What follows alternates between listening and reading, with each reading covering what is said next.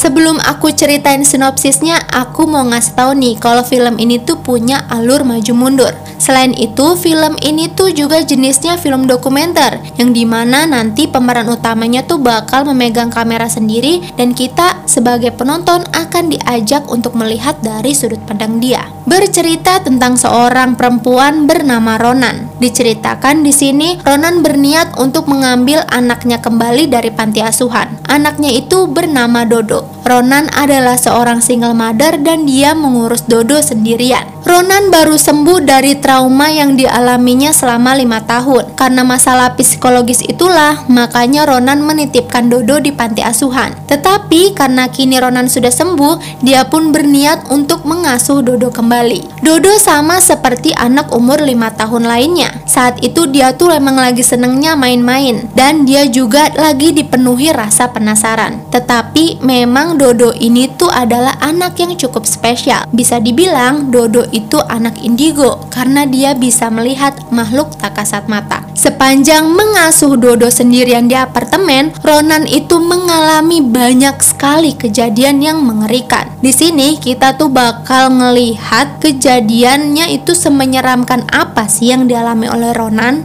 Karena filmnya ini tuh adalah jenis film dokumenter, maka kita sebagai penonton tuh bakal ngerasain betapa realnya kejadian itu. Nah, hal itulah yang menjadi nilai plus dari film ini. Karena penonton tuh bakal terus dibikin tegang dan bertanya-tanya apa yang akan terjadi selanjutnya. Jadi rasanya tuh kayak kita tuh jadi Ronan gitu. Kejadian yang dialami Ronan saat ini itu disebabkan apa yang dilakukan oleh Ronan dahulu. Jadi sebelumnya Ronan itu adalah seorang konten kreator yang membahas tentang horor.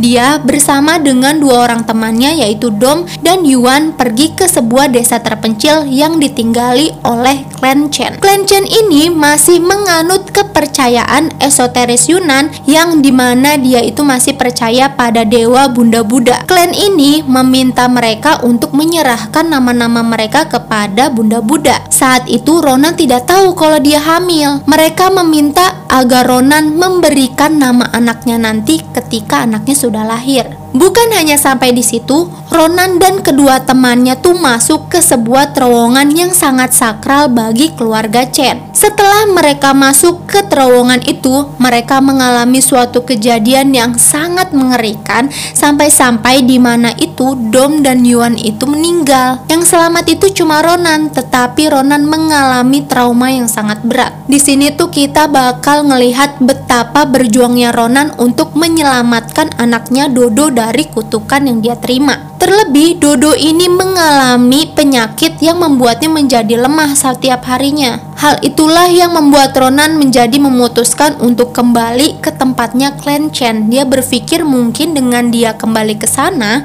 ke itu, maka Dodo bakal sembuh. Wah, dari awal sampai akhir film ini tuh emang bikin tegang banget. Emang sih nanti ada beberapa scene yang tenang gitu loh, tapi tetap aja auranya tuh menegangkan. Ditambah sound di film ini tuh ya ampun, serem banget.